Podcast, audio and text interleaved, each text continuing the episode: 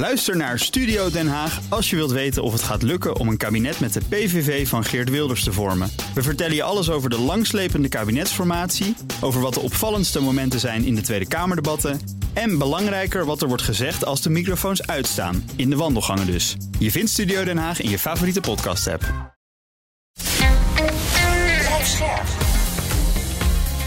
BNR Nieuwsradio.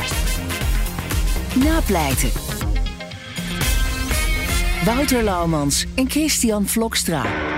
In de keuken wordt zij met haar eh, rug naar het aardigblad ja, gedreven eigenlijk. En het is een heel klein keukentje, 2,5 bij 1,5. Het is niet echt een uitweg. En dan draait zij zich om, heeft ze een klein mes gepakt. Uh, in een reactie, hij komt naar voren, zij doet haar arm naar voren.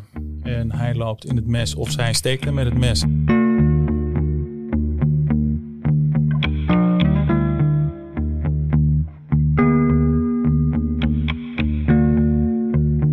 Hallo en welkom bij Napleiten, de podcast waarin we met advocaten praten over strafzaken die hen altijd zullen bijblijven. Mijn naam is Wouter Laumans en naast me zit mijn sidekick, strafpleiter Christian Vlokstra. Welkom Chris. Dankjewel Wouter. Uh, eerst even snel de gedragsregels. Uh, in deze podcast praten we over definitieve zaken. Ja, afgesloten zaken die, waar geen procedures meer lopen, zodat er enige vrijheid ontstaat om over de zaken te praten. En vanwege de journalistieke zuiverheid behandelen we ook geen zaken waar jij als advocaat enigerlei betrokkenheid bij hebt. Nee, en dat uh, houden we elke week goed zo vast, wat mij betreft. Chris, heb je wel eens een noodweerzaak gehad in je praktijk? Ja, zeker. Ik heb, ik heb meerdere malen noodweerzaken uh, gehad. En dat zijn hele, uh, zeker als het een, een kansrijk of een mogelijk kansrijke noodweerzaak is. En, dat hele... en wanneer is een zaak dan kansrijk, als ik vraag mag? Nou ja, kijk, op het moment hè, er zijn zware juridische eisen worden gesteld voordat een beroep op noodweer of noodweerexces, maar daar komen we nog wel over te spreken in deze uitzending, ja. uh, kan slagen hè, bij een rechtbank of bij een hof. En dus ook kan leiden tot een ontslag van alle rechtsvervolging, zoals we dat noemen. Nou, dat leggen we later ook nog eventjes uit. Uh, maar je bent er niet zomaar. Het is niet zo dat de rechtbank of een hof of een feitenrechter, moet ik zeggen, heel gemakkelijk noodweer of noodweerexces aanneemt. Um, en er zijn strenge jurisprudentiële eisen voor. Um, die je moet aflopen. Maar het zijn vaak interessante zaken, omdat je natuurlijk echt te maken hebt met de feiten. Wat is er feitelijk gebeurd? Wie heeft wat gedaan? Wie, wie heeft gehandeld? En past dat binnen de kaders van een noodweerverweer? Dus het zijn uitdagende zaken voor een advocaat. Ja, en de zaak waar we het vandaag uh, over gaan hebben, die uh, begint op 19 februari 2019. Het is een recente zaak.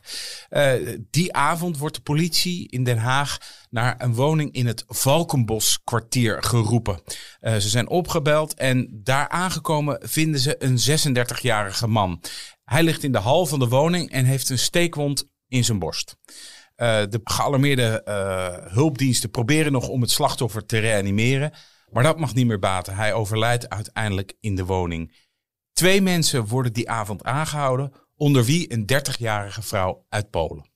Bij ons aan tafel zit advocaat Jan Sneep. Welkom. Dankjewel. Uh, jij bent, zo vertelde je me toen ik je uitnodigde voor deze uh, show, in het verleden portier geweest. Gaan we het daarover hebben? Nou ja, nou ja, ik bedoel, dat vond ik zo fascinerend. Maar heb jij wel eens in, in jouw portierbestaan uh, te maken gehad met een noodweersituatie? D dat was één aaneengesloten noodweersituatie.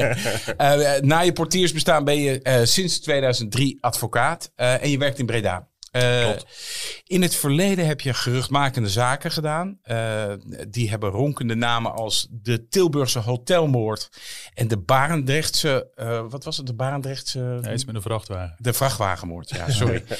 Waarom heb jij juist deze zaak gekozen?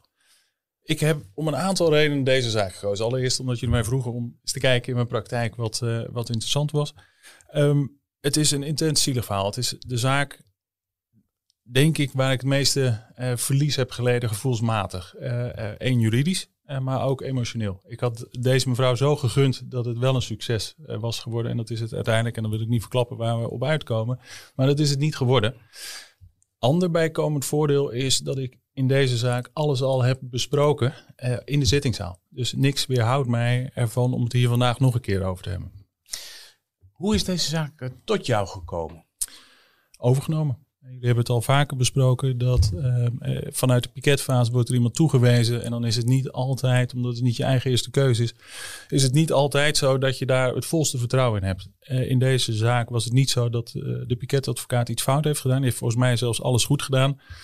Maar er speelde ook een taalcomponent bij. En de dame in kwestie en haar familie die hadden niet het volste vertrouwen erin dat ze alles over kon brengen. Omdat de taalbarrière er was. Ja, en toen, en toen kwamen ze bij jou. Maar bij jou is die taalbarrière er dan niet? Of? Eh, mijn pols is wat weggezakt. Maar Ja, ik heb een, nee, eh, dat- nee, vanwege de taalbarrière. Dus ik dacht, hoe is jouw pols dan? nee eh, ik heb een juridisch medewerker, die is van Poolse origine. Ah, En, oké. die, eh, die heeft het contact met de familie onderhouden. Ja, dat scheelt dan wel. En in welke, welke fase heb je, heb je de zaak overgenomen? Weet je dat nog?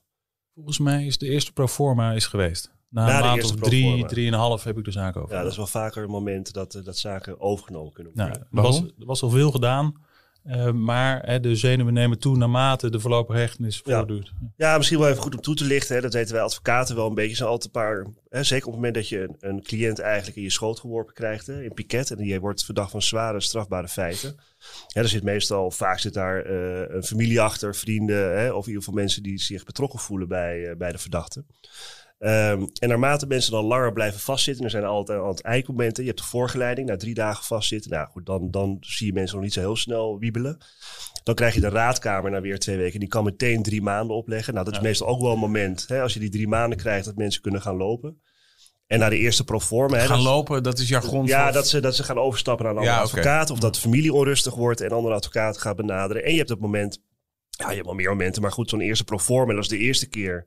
Hè, dat een zaak in het openbaar wordt behandeld voor de rechtbank. Die de zaak in principe ook inhoudelijk gaat behandelen.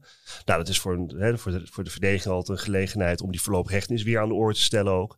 Ja, en als dat dan niet lukt en men meent hè, van eh, ze zou eigenlijk vrij of hij zou eigenlijk vrij moeten komen. Ja, dan, dan loop je de kans dat, dat iemand overgenomen wordt. En in dat stadium, legt Jan uit, heeft hij deze zaak overgenomen. Eh, jij ging eh, voor het eerst bij eh cliënt op bezoek, neem ik aan. En wat voor iemand eh, trof jij aan? Ehm, ik had het dossier al wel gelezen, dus ik wist wel wat ik kon verwachten. Er zaten ook wat foto's van erin. Ehm, maar het, ja, het was een zielig, zielig klein vogeltje eigenlijk. Het was een, eh, een, vrouw, dus 1,59 las ik in het dossier, 42 kilo, 30 jaar, 31 jaar. En ja, vol, eh, vol verdriet eigenlijk. En hoe kwam zij in Nederland terecht? Wat, wat was haar... Werk. En Ja. Ze zat hier al een tijd, vijf, zes, zeven jaar. Ja, En ehm, eh, ging, gaat dan zo'n juridisch medewerker gaat mee tijdens die gesprek, die tolk dan? Of, eh, In dit geval heb ik daar specifiek voor gekozen om haar mee te nemen, omdat Ja. zij ook al het contact met de familie onderhouden had. En het is een hele, ehm, eh, ehm, ehm, hoe noem je dat? Empathische dame. Hè, Mhm. dus die, die kon je er goed bij hebben, zeg maar. En ik dacht juist in dit geval ook dat het goed was om, eh, om haar mee te nemen. En dat bleek achteraf ook wel. En wat vertelde jouw eh cliënt hier? Wat was er gebeurd? Je, je hebt een dossier en ik had het in, in dit geval wel echt al doorgelezen. Normaal kan je er ook blanco in gaan, maar ik heb nu echt doorgelezen. Ik had een aantal vragen. De eerste vragen waren natuurlijk hoe gaat het met je om iemand beter te leren kennen en zo. Had ik er nog een honderdtal en die heb ik op haar afgevuurd om gewoon het, eh, de temperatuur van het badwater even, even te peilen. En eh, ik kreeg op alles antwoord, maar ik had niet het idee dat ik haar leerde kennen. En. Dat is best lastig. Ehm, en we zaten echt al goed een uur voordat ik door mijn vragen heen was. Maar ik was nog niet tot de kern. En normaal gesproken heb je dat een stuk sneller. Maar ja, deze zaak zat natuurlijk al een tijd vast. Hoog, hoog in de emoties. Het lukte gewoon niet. En ik liep er helemaal op vast. Dus ik begon te bladeren, een beetje zenuwachtig. Van wat moet ik nou doen? En, eh, misschien even goed, want, mag even, ik snap wat je bedoelt. Maar misschien is het ook wel goed voor, inzichtelijk voor de luisteraars. Want kijk, je hebt natuurlijk het dossier gelezen. Je hebt hè, wat, de verklaringen van haar gelezen. De, de verklaringen van, hè, of althans wat de politie heeft aangetroffen.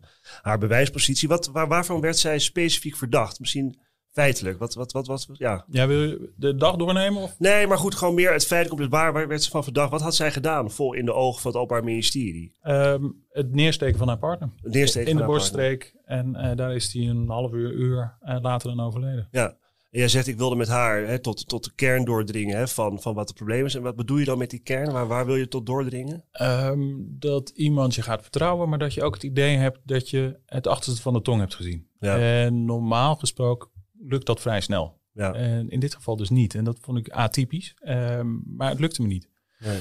Het mooie was dus dat ik die ju- juridische medewerker bij me had. En mee dat ik door mijn vragen heen was, eh, begonnen zij een beetje te praten. Ze hebben dezelfde afkomst, dezelfde eh, achtergrond een beetje. En eh, die dames beginnen eigenlijk best wel gezellig te kletsen.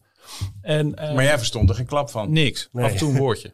Ehm, maar dat was het. En ik kreeg om de vijf minuten kreeg ik een. Om de vijf minuten kreeg ik een, ehm, eh, een samenvatting van een regel of tien, wat ze dan gezegd hadden. Ze gingen weer door. En op een gegeven moment ging haar tassen open en daar zaten een paar eh, eh, koetjesrepen in, maar dan de Poolse variant. En dat werd ook nog wel een beetje gezellig. En ik zag haar helemaal ontspannen en ze begon een beetje te ontdooien. Dat zijn die koetjesrepen die jij nu Ja, ook ja, hebt ja. meegenomen. Ja, die mag je zo, die mag je zo- advocaat.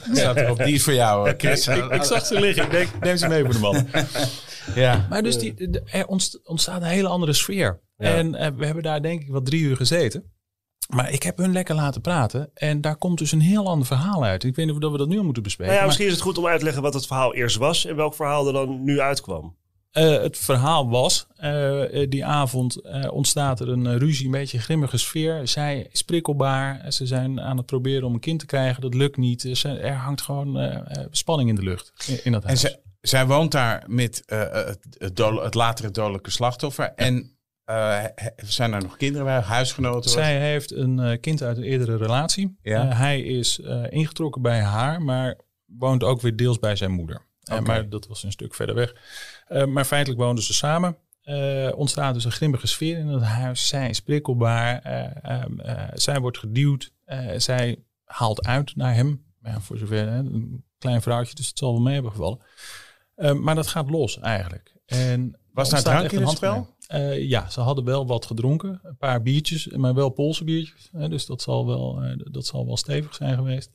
Ehm, ze waren niet, niet straal bezopen, maar er was drank in spel, emotie. En ehm, eh, daar wordt stevig mishandeld. En dat was later, eh, konden we dat wel reconstrueren. Mhm. Maar ze heeft daar best wel letsel op gelopen. Maar, waarom mishandeld over en weer of echt hij, haar? Eh, hij, haar vooral. Ja. Ja, Ja. later zijn natuurlijk hem, maar ja. nee, natuurlijk weer toen, het, toen met, het, met het mes. Ja. En was er ook al een achtergrond van, van geweld tussen hun twee of viel het tussen mee? hun twee een aantal keer. Een aantal keer voorgevallen. En daar heeft ze eigenlijk niet zo heel veel over verteld. Nee. Ehm, ehm, zij had eh, ehm, al... Zij kenden elkaar al, eh, andere relatie allebei gehad. Ze kwamen elkaar weer tegen. En ja, het was eigenlijk een soort van droomprins van haar. Dat is echt de liefde van haar leven. Ja, Eh, Dus het was ook wel tragisch uiteindelijk. Maar die avond gaat het dus wel echt mis. mis in die woning. Maar dat kind, en het is een heel klein appartement. Dat kindje dat slaapt daar ook aan, aan het gangetje waar het begon, die ruzie. Eh, en dat kind komt uit bed. En ehm, ja goed, de, de, dramatiek komt ook uit het dossier eh, gedropen. Want dat kind dat roept dan ook nog van niet mijn moeder slaan. En, en dat soort dingen. Dus eh, het kind wordt weer terug op bed gelegd. En de ruzie gaat daarna weer door. ja. Precies, ja. En uiteindelijk eindigt dat dus in de, in de keuken. ja. En wat gebeurt er in de keuken? In de keuken wordt zij met haar rug naar het aardigblad ehm, ja, gedreven eigenlijk. En het is een heel klein keukentje. 2,5 bij 1,5 met een, met een, met een blad. En Zo'n pijpenlaadje. echt een bijbelaadje. En daar staat dan ook nog een droger in en een wasmachine. Ja. eh, en een, eh, eh, een vuilnisbak. Een deur naar buiten die met een hangslot is afgesloten. En met een sleutel met een vuilnisbak ervoor die uitloopt op een doodlopende patio. Dus het is niet echt een uitweg. op. Nee. Ehm, en dan eh, draait zij zich om, heeft ze een klein mes gepakt. Eh, ik heb eh, de foto's laten zien eerder. Daarnaast lag een groot vleesmes met, met een lemmet van 25 centimeter. Maar zij pakt een kleine van 5 tot 8 Ja, centimeter. 8 centimeter, daar las ik volgens mij. ergens. 8 Ja. centimeter, Ja. ja. En inderdaad klein waar je je aardappels mee, Ja, mee schild. Ja. En zij draait zich om. Hij haalt uit, naar haar zeggen, hè, want hij kan er weinig meer over vertellen. Hij haalt uit met rechts aan haar linkerkant, waar zij bijna blind is, waar ze eigenlijk eh, ja, wel voorzichtig mee moet zijn. En, Waarom eh, is zij blind? Wat, wat, Oké, een, een ongeval toen ze klein was, met Oh. glas in de oog. dus zij Eh, heeft een kwetsbaar oog. kwetsbaar oog. En ehm, eh, in een reactie, hij komt naar voren. Zij doet haar arm naar voren. En hij loopt in het mes. Of zij steekt hem met het mes. En dat is een beetje de vraag die hier moest beantwoord worden. En hij, en hij valt op de grond. Nee, nee dat is dus bijzonder. Ehm, hij roept auw, naar haar zeggen. Ehm, hij roept auw, doet zijn shirt uit. En dat klopt ook wel redelijk met het sporenbeeld. Hij doet zijn shirt uit. En daar is nagenoeg geen letsel. Je ziet een gaatje, er komt wat bloed uit natuurlijk. Maar hij reageert eigenlijk verder niet. Eh, de mishandeling stopt, de ruzie stopt. En ze pakken een, een normale nacht-avondroutine pakken ze weer op. Zij ruimt op.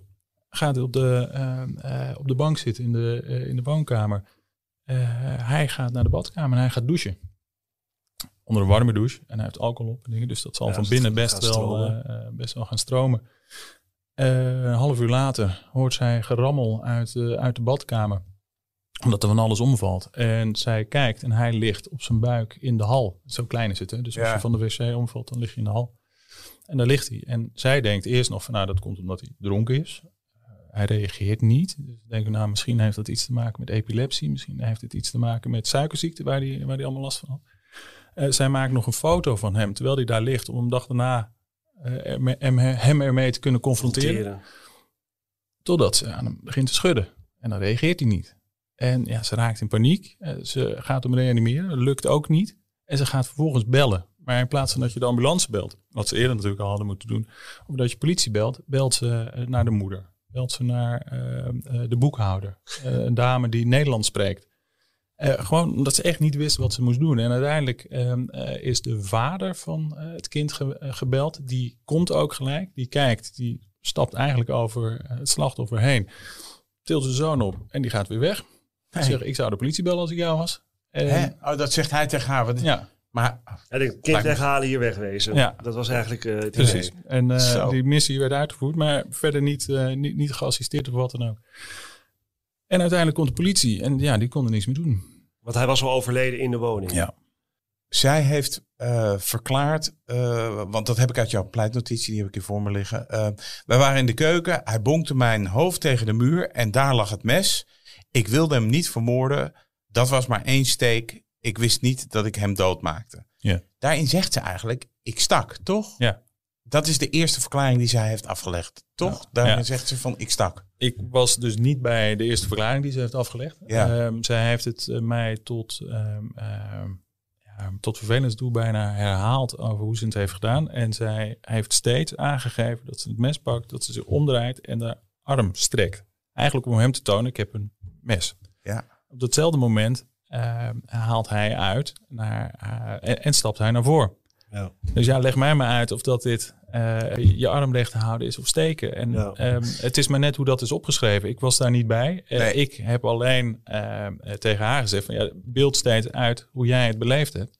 En dat is in eerste instantie dus als steken eh, eh, eh, op papier gekomen. En later op zitting zeggen ze van ja, maar u wijzigt uw standpunt. En dan ga ik even naar de juridische expert hier aan tafel. Er zitten er twee hoor, maar de, de, de man Ja, die... de echte, de echte. Ja, jullie zijn allebei juridisch beter Ja, onderlegd dan ik. Maar mijn sidekick, ik ga even naar mijn sidekick. En Ja. eh, Chris, eh, dat maakt nogal uit, denk ik zo. Ja, dat kan heel erg uitmaken. Kijk, op het moment, en dan gaat het eigenlijk om het opzetten. Dus op het moment dat je, dat je doelbewust steekt, ja, dan heb je gewoon willens en wetens bij iemand aan het steken. Op het moment dat je een mes vasthoudt ter afdreiging en iemand loopt erin, Ja.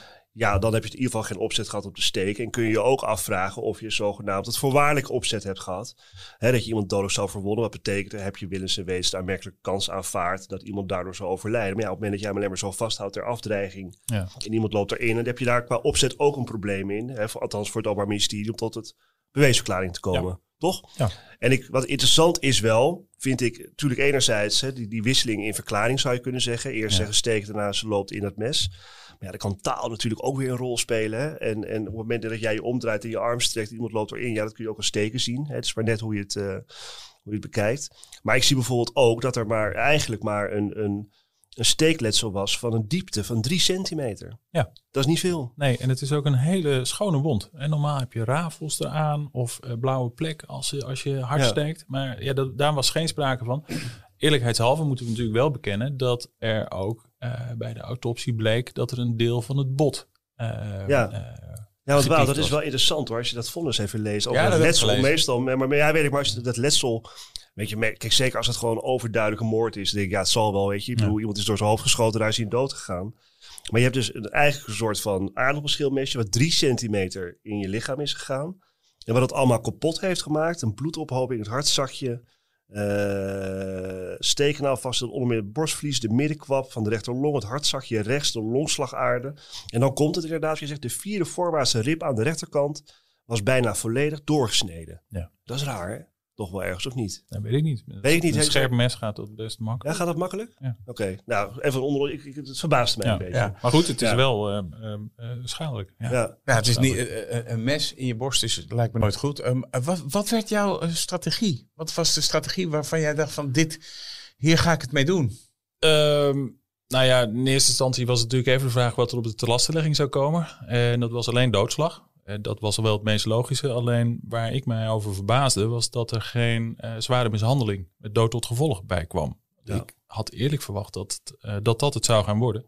Waarom? Ehm, omdat zij eh, de intentie niet had om hem te vermoorden. En eh, als dat de insteek, de insteek was, dan ehm, eh, zou je dus ook van een mishandeling kunnen spreken. Ja. En Ja. ik had het in ieder geval subsidiair erbij gezet, maar daar heeft het OM niet voor Ja, gekozen. gaan we. Ja, misschien even ter verduidelijking. Subsidiair. Nou ja, het is, Het sowieso, even, het is sowieso wel een goed Ja. moment om, eventjes, om het nog even neer te zetten. We hebben het net gehad over heel veel moment dat je doelbus steekt. Je opzet of voorwaardelijk opzet op de dood kun je hebben.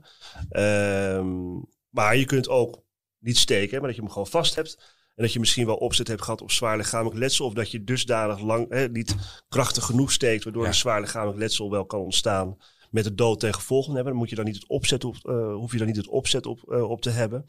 En subsidiaire, hè, waar, waar eh, Jan het over heeft, is dat het Openbaar Ministerie voor meerdere ankers kan gaan liggen. Eerst voor het zwaarste en dan steeds een stukje minder. En als je dat dus doet, dan loop je niet de kans dat iemand wordt, als iemand wordt vrijgesproken voor het zwaarste, volledig wordt vrijgesproken, maar vervolgens kan veroordeeld worden voor het minder zware. Ja. Hè, zoals je moord hebt, doodslag. Nou, en dan kan je ook een zware mishandeling met de dood ten gevolge hebben. En zo Ja. kan je het helemaal af. Ja, en dan zit moord en doodslag nog in dezelfde familie, dan Ja. kan het wel. Eh, op het moment dat dit dus weer Ja, een ander excuus. gewelddelict is, eh, dan eh, moet je dat echt wel weer op de telastenlegging zeg- zetten. Want anders heb je eigenlijk als Openbaar Ministerie best wel een probleem. Dus ze speelden wel alles of niks hier. Ja, ja, oké, ik Ja. snap het. Maar Maar- als zij dus alleen de intentie had gehad om hem te mishandelen, om hem pijn te doen, eh, dan had het dus een vrijspraak moeten zijn voor de doodslag. Was dit nou een vrouw met een verleden? Ja, dit vraag ik me dan toch een beetje af. Wat was haar Nee, verleden? Wat niks, is... niks significants. Een hele normale vrouw eigenlijk. Ja. Ja. het, het probleem was wel dat wij er dus achter kwamen. Daar waren we vorige keer geëindigd. Bij dat gesprek met mijn eh, kantoorgenoot Ja. kwamen we er dus achter dat zij een enorme voorgeschiedenis had van mishandeling. Oké. Haar, eh, haar thuissituatie, hoe ze is opge, eh, opgevoed, dat had al niet heel veel te wensen eh, overgelaten met haar vader. En daar kwam eigenlijk een hele succesvolle reeks van ellendelingen op, op volgend. Allerlei vriendjes die, die haar ook mishandelden. En daar wordt niet zoveel over gepraat in het Poolse. En Waarom daar- niet? Schaamte. Eh, Ja. ehm, ehm, ehm, ehm, ge- ja, daar zeur je niet over eigenlijk. Dat is, eh, dat is een beetje een insteek. En bij haar duurde het dus ook echt wel heel even eh, voordat ze eh, dat losliet aan mijn kantoorgenoot. En dat heeft ze ook maar mondjesmaat weer herhaald. Hoe vaak ik ook haar heb gevraagd en voorbereid van luister, bespreek dat nou gewoon. Ook bij, eh, bij je PO, triple PO was hier. Hè? Ja, ik voelde hem al aankomen.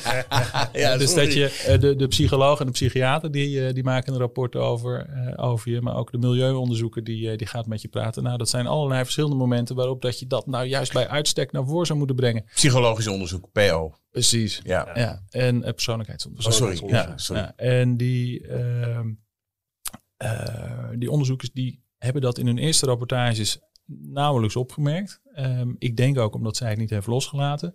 Wel dat ze prikkelbaar is. En eh, dat er allerlei kopingsmechanismen zijn ontstaan die niet in haar voordeel waren. Ja. Ehm, eh, dat, is, eh, dat is zeker het geval.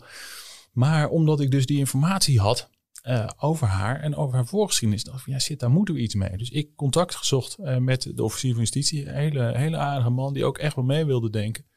Maar hij was het gewoon niet mee eens. Ja, ja. Eh, hij zei, ja, we hebben nu op papier, we hebben al drie mensen die er iets van vinden, dus daar kunnen we op dit moment niks mee.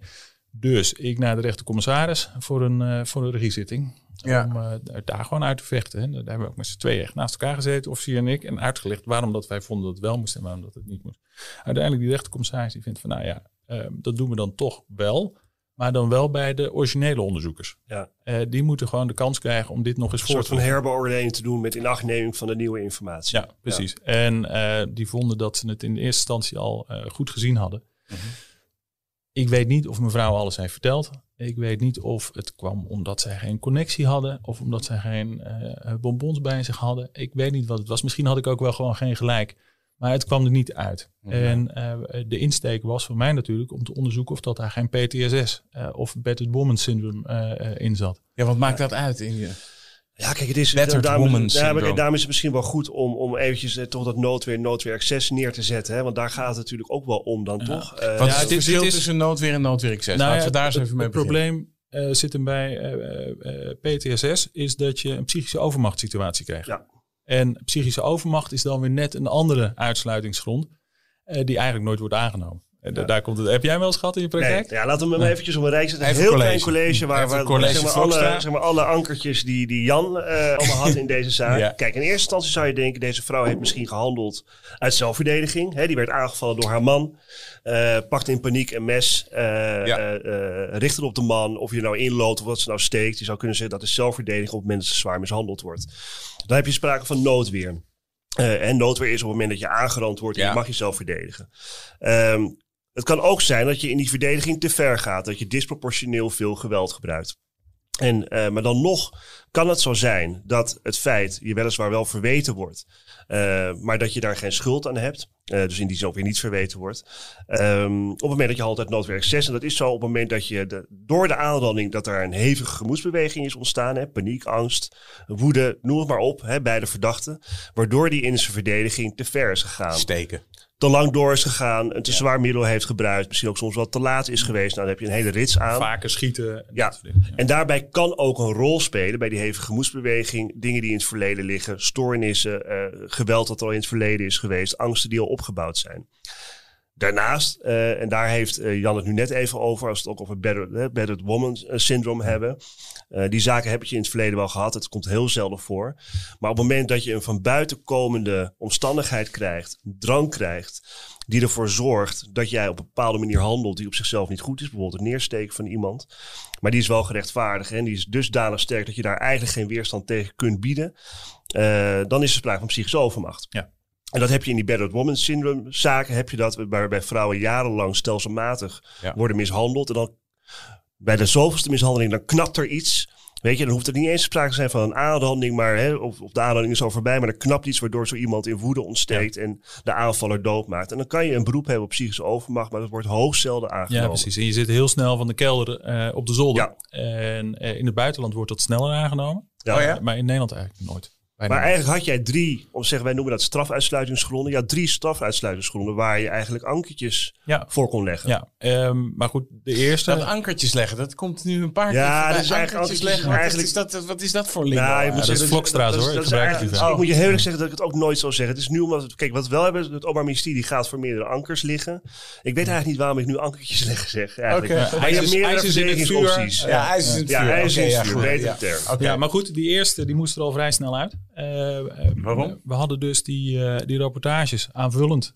die kregen we na, een- na een half jaar. En ehm, ik was daar natuurlijk niet blij mee. Ik had het idee dat, we- dat we daar nog meer uit moesten halen. nog eens een keer met haar gaan praten. En de andere optie was Pieter Baan. En dan moet je naar het Pieter Baan Centrum om mevrouw klinisch te laten bekijken. Eh wachttijd drie maanden. De, de periode dat je daar zit is een aantal maanden, ongeveer een maand of drie. En dan duurt het nog een tijd voordat je een rapport hebt. Ja, en zei, nou ja, daar voel ik eigenlijk niks voor. Dat wilde de klant gewoon niet. Ik zei, ik kan me ook wel iets bij voorstellen. En dat duurde al anderhalf jaar toen, hè, het hele traject. En toen hadden we nog geen inhoudelijke behandeling.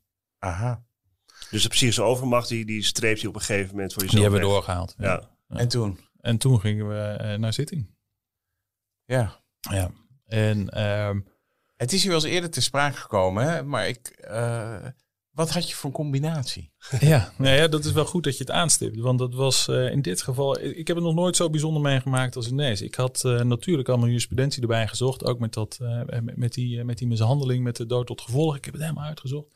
Noodweer, noodweer excess. Ook eens gekeken. Ook eens gekeken wat de rechtbank Den Haag. Want daar speelde de zaak daarin. het verleden En, al gezegd heeft. en toen kwam ik echt een pareltje tegen. Hè. Los van die, eh, van die ik wou de artikelen noemen, maar daar heb ik niet zoveel aan. Hè. De mishandeling of, of doodslag.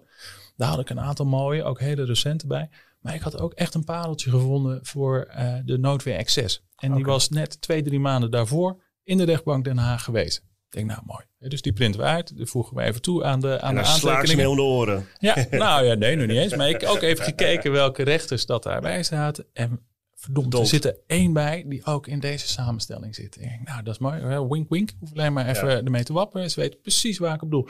En dat was eigenlijk een zaak waar ik hem minder duidelijk vond dan in deze zaak. Ja. Dus jij dacht kat in het bakkie. Had in het bakje. Wat vond jij nou eigenlijk vanuit jouw eigen juridisch perspectief, hè? los van je advocaatperspectief, maar vond je dit noodweer of noodweer excess voor jezelf?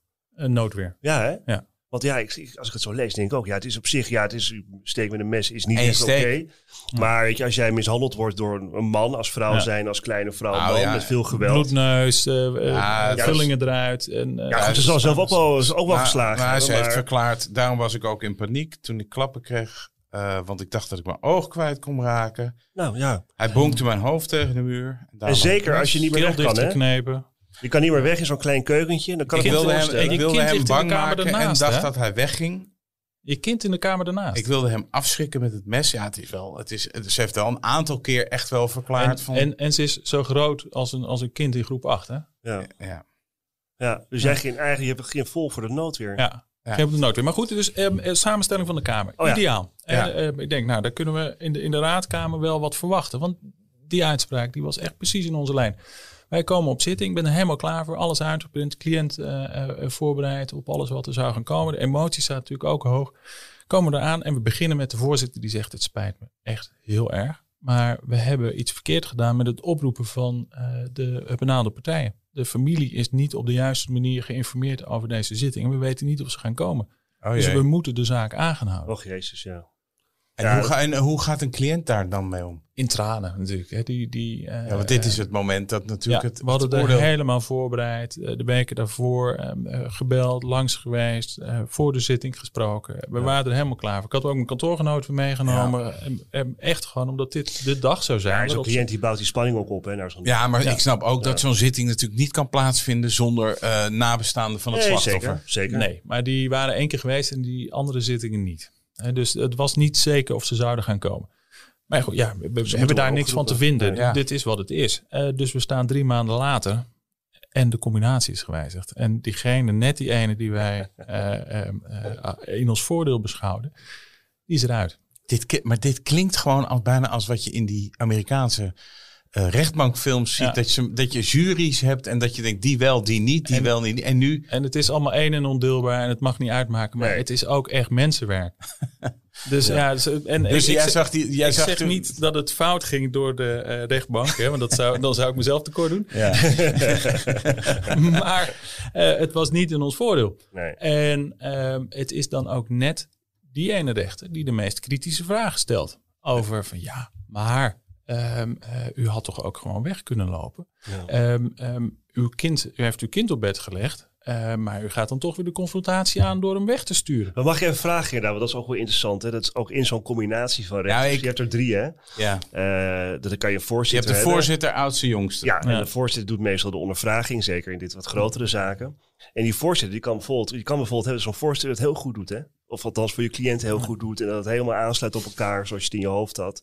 En dat je eigenlijk na, een- na een uur denkt, nou, het gaat helemaal lekker. En dat dan de jongste of de oudste zegt, nou, ik heb Oudste. ook nog, nou, de oudste in ieder geval, ik heb ook nog wel wat vragen. En die gaat even wat slopen. En wat gebeurde er toen? Die ging moeilijk Nee, doen. die, ja, die deed moeilijk. Ja. En, ehm, Deed moeilijk ook. Nee, die, die, die, die doet wat ondervroeg een, kritisch. Die doet Ja. wat een rechter moet Ja. doen. Nee. En eh, eh, maar die, die, dat gaf alleen een ander geluid dan, eh, eh, dan wat de verdediging wilde laten horen. Ook op een manier dat je dacht, kijk, je kunt ook hebben, wordt kritisch ondervraagd. Dat is alleen maar goed, hè? Hè, dat ze kritisch en dat ze geïnteresseerd zijn en het echt Dat is ook de toetsen. taak van de rechtbank. is ook sowieso een, Ja. een taak van de rechter. Ja, maar, Maar had jij het op, dat, het gaat op een manier die niet, niet de goede kant op nee, gaat. ik heb natuurlijk een eh, gekleurde bril op. Ja. En eh, de kleur van de bril van de rechter was anders. Ja. En eh, dat, dat merkte je duidelijk. En eh ik denk, ja, dat is stroef. Eh, Ja. De manier van vragen stellen, daar kan je veel uit opmaken. En dat stemde mij niet heel positief. De rest ging goed. We Ja. hebben nog twee van de drie. Ik denk, nou, dat, dat, dan moet het alsnog goed kunnen komen. ja. Ehm, maar ja, dat deed het dus niet. En het En Openbaar Ministerie eigenlijk, hoe stonden die erin? Ehm, ja, eigenlijk wel neutraal. Wat, zo, wat, wat ik al zei, die man die had ook wel echt met haar te doen. Ja. En eh, die snapte de situatie wel. Alleen ja, die doet wat hij moet doen, want die zit ook met een lijk. Ja. En eh, we, hadden, we snapten elkaars rol Ja. en we lieten elkaar daar ook in vrij. En ook op zitting ging dat keurig. Maar ging je, ging, ging je cliënt niet extreem moeilijk maken op zitting. Je heeft de logische vragen gesteld die hij Ja, moest die vragen. moest, ja. En, maar daarvan had ik niet het idee dat, dat hij zijn rol anders op zou pakken Ja. dan dat nodig was. En je cliënt zelf, want dat is misschien ook wel goed. Het is altijd lastig hoor, als je een cliënt hebt, zeker in zo'n zaak, die dus niet de Nederlandse taal machtig is en via een Ja. tolk moet communiceren. Omdat er Ja. natuurlijk elke keer zit er een soort, nou dat weet je zelf ook wel, het zit een vertraging in Ja, ik beantwoording. vind en, zaken met Ja. tolken altijd... eh, en zeker als het gaat om, om echte feiten en wat heeft iemand beleefd. En dat is natuurlijk Ja. Hoe ging dat hier? Ging dat goed of niet? ging heel goed. Ja, laten Ja. we vooral een lans breken voor, voor tolken Voor de in, Nederland. ja. Want het- Goeie het is, tolken. Het is echt een drama. Zeg maar, de inflatie waar, eh, eh, die dreigt Ja. eh, in, in, in tolkenland.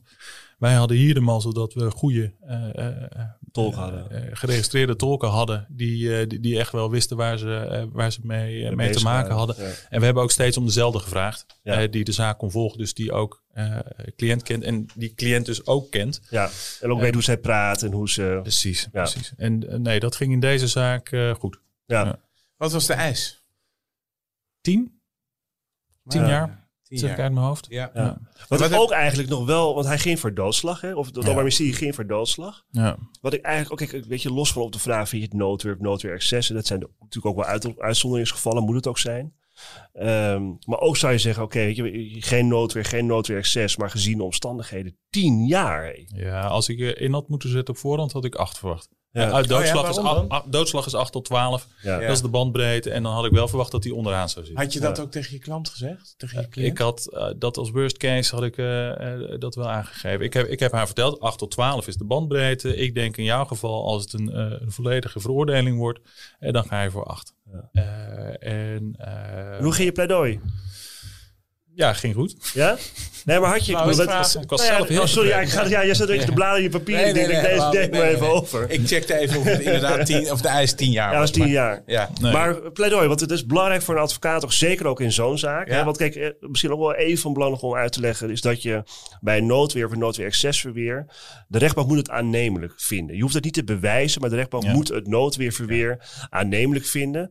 En daarbij komt het natuurlijk aan op de overtuigingskracht van je cliënt, maar ook Ja. op de overtuigingskracht Ja. van Sneep. Ja, nee, dat klopt. Wij- daar zijn we op voorhand natuurlijk ook op, op gaan voorsorteren. Want je moet heel duidelijk krijgen van de Hoge Raad wie is nou de agressor. En Ja. Bij wie lag het probleem? Als jij zelf ruzie zoekt, ja, dan moet je geen beroep doen op noodweer. Want dan, eh, dan, dan krijg je het niet gedaan.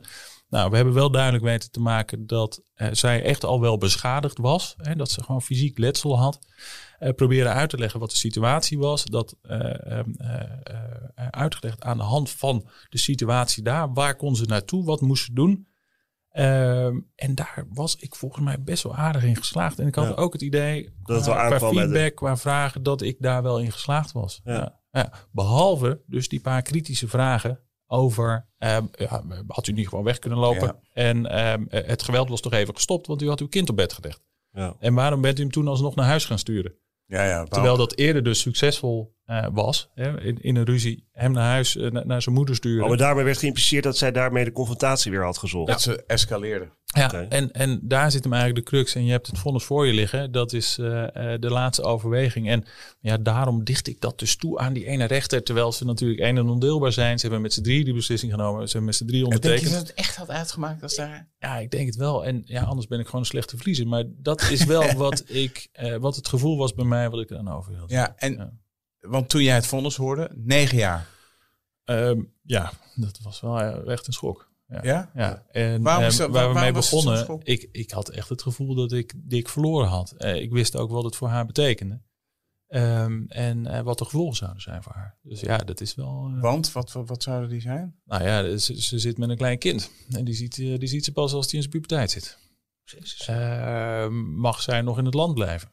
Ehm, wel of niet, hè? Met zo'n zware veroordeling loop je dat risico ook natuurlijk. Dat kind gaat naar zijn vader, waar die niet voor niks niet in eerste instantie bij zat. Ja. En dat spel, dat had jij allemaal in je achterhoofd toen Ja. je hoorde negen jaar. Ja.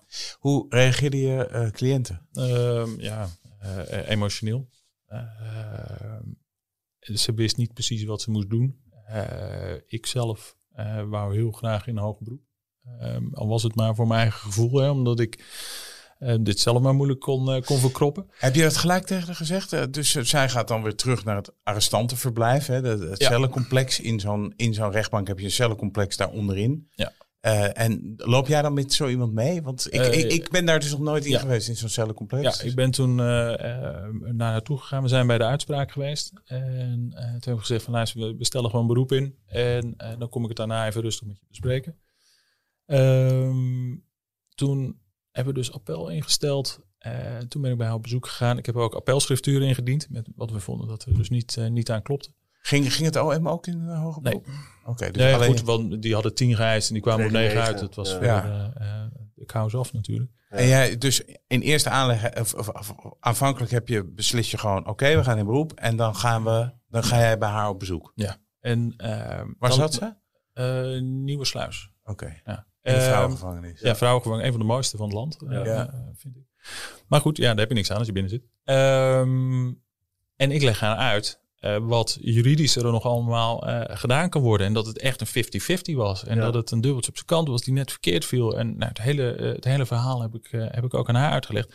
Maar ik heb natuurlijk ook wel eerlijk gezegd, appelleren is riskeren. Hè, dat zullen jullie al vaker langs hebben Gevleugelde uitdrukking, ja. Ja. Precies. Eh, ik heb haar ook uitgelegd dat er een wet aankomt die niet in haar voordeel is. Dat Ja, als ze de 10 krijgt, eh, eh, wet straffen en En beschermen. beschermen, eh, ramp eh, van een regeling. Waar het om gaat is de VI-regeling. Dus hè, voor, voor oudere feiten, voor eh, juli eh 20, eh, daar geldt gewoon de oude VI-regeling. Ja. Je gaat een derde van je straf af in principe. Ja, En nu is dat niet meer zo. Nu is het maximaal twee jaar. Dus bij een straf van negen jaar scheelt dat gewoon een jaar. Hè? Want je gaat Ja, van negen naar zes of je gaat van negen en naar een eis van. 10, als die gevolgd wordt, dan zit je 8. Ja. En dus dus dat, dat gaat ook in haar hoofd om. Eh, en dan vinden ze er nog maar hetzelfde van. Het kan natuurlijk ook nog zo zijn, met die bandbreedte die ik haar schetste, van 8 tot 12, dat het dus 12 wordt, waar de 10 van moet zitten. En zij is daar gaan rekenen. Zij is eh, eh, gaan praten met mensen. Wanneer kom ik dan buiten? Wanneer kan ik al met verlof? Wanneer kan ik mijn zoon meer zien? En die regelingen die kwamen net goed op gang. En zij wou niet meer. Zij wou niet meer. En eh, ik heb het er gevraagd. Ik heb weer mijn kantoorgenoten meegenomen. met, met, met al haar... Chocolaatjes eten. ja, choc- nee, die hadden we niet bij ons. maar dus, dus we, we hebben, we hebben het haar echt uitgelegd. Maar het is natuurlijk haar beslissing. Het is haar zaak. En in zoverre is zij leidend. Heb je lang op haar ingepraat? Ik, nee, ik heb niet op haar ingepraat. Nee. Ik, heb, ik heb haar gewoon uitgelegd hoe het zit. En ik heb ook gezegd dat het haar beslissing Moet is. je ook mee Eh, uitkijken. ja. Je moet mensen ook niet overtuigen om in hoog Nee, gaan. oké, sorry, Nee, dat nee, is nee. dan een verkeerde Nee. voorstelling van Nee. zaken. Maar heb je lang met haar zitten praten? Zo? Ja, ja, ja, maar we hebben echt gewoon gekletst. Want je, je, je raakt ook op een, eh, op een zakelijke manier bevriend met elkaar. Ja. Eh, en eh, ja, je zit daar een soort van eh, ja, rouwverwerking klinkt, klinkt raar als het dus gaat om het verlies van haar vriend ook, wat, wat bij haar ook nog plaats moet krijgen. Maar, maar ja, dit dat ze hiervoor veroordeeld is, dat Ja. doet ook zoiets bij iemand. ja.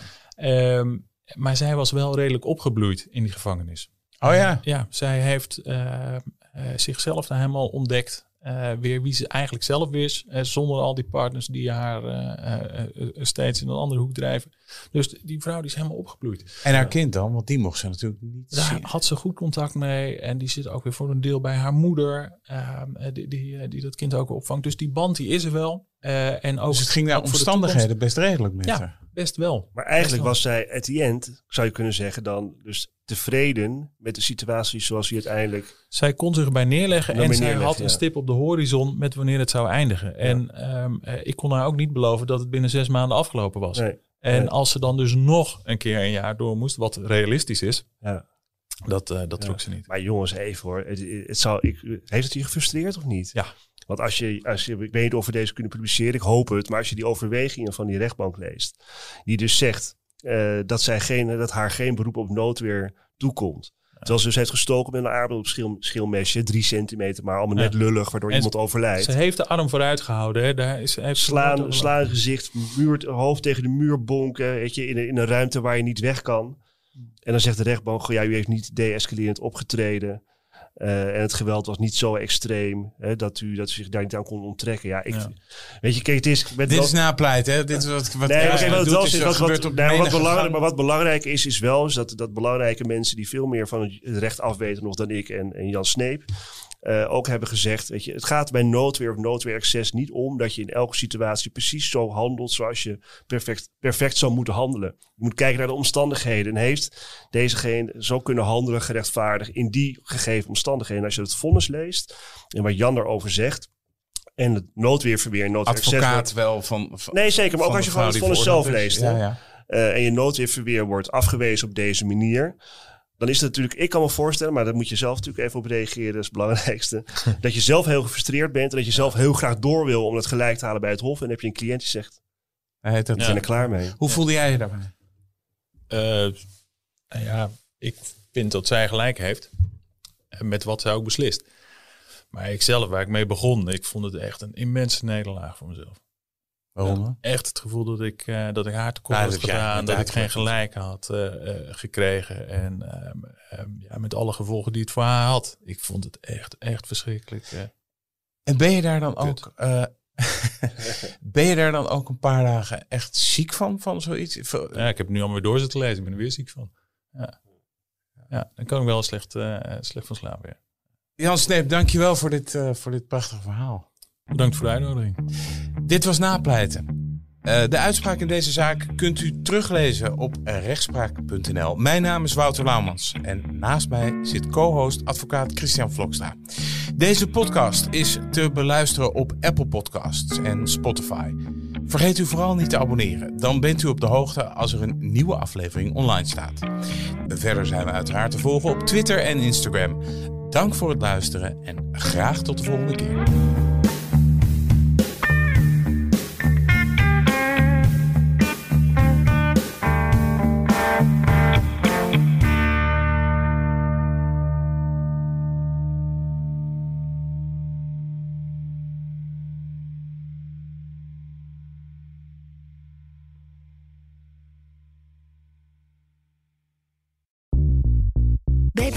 Ben je altijd als eerste op de hoogte van het laatste nieuws. Luister dagelijks live via internet. Bas van Werven. En heel langzaam komt de zon op rond dit tijdstip. Je krijgt inzicht in de dag die komt op BNR, het Binnenhof in Nederland en de rest van de wereld. De Ochtendspits. Voor de beste start van je werkdag. Blijf scherp en mis niets.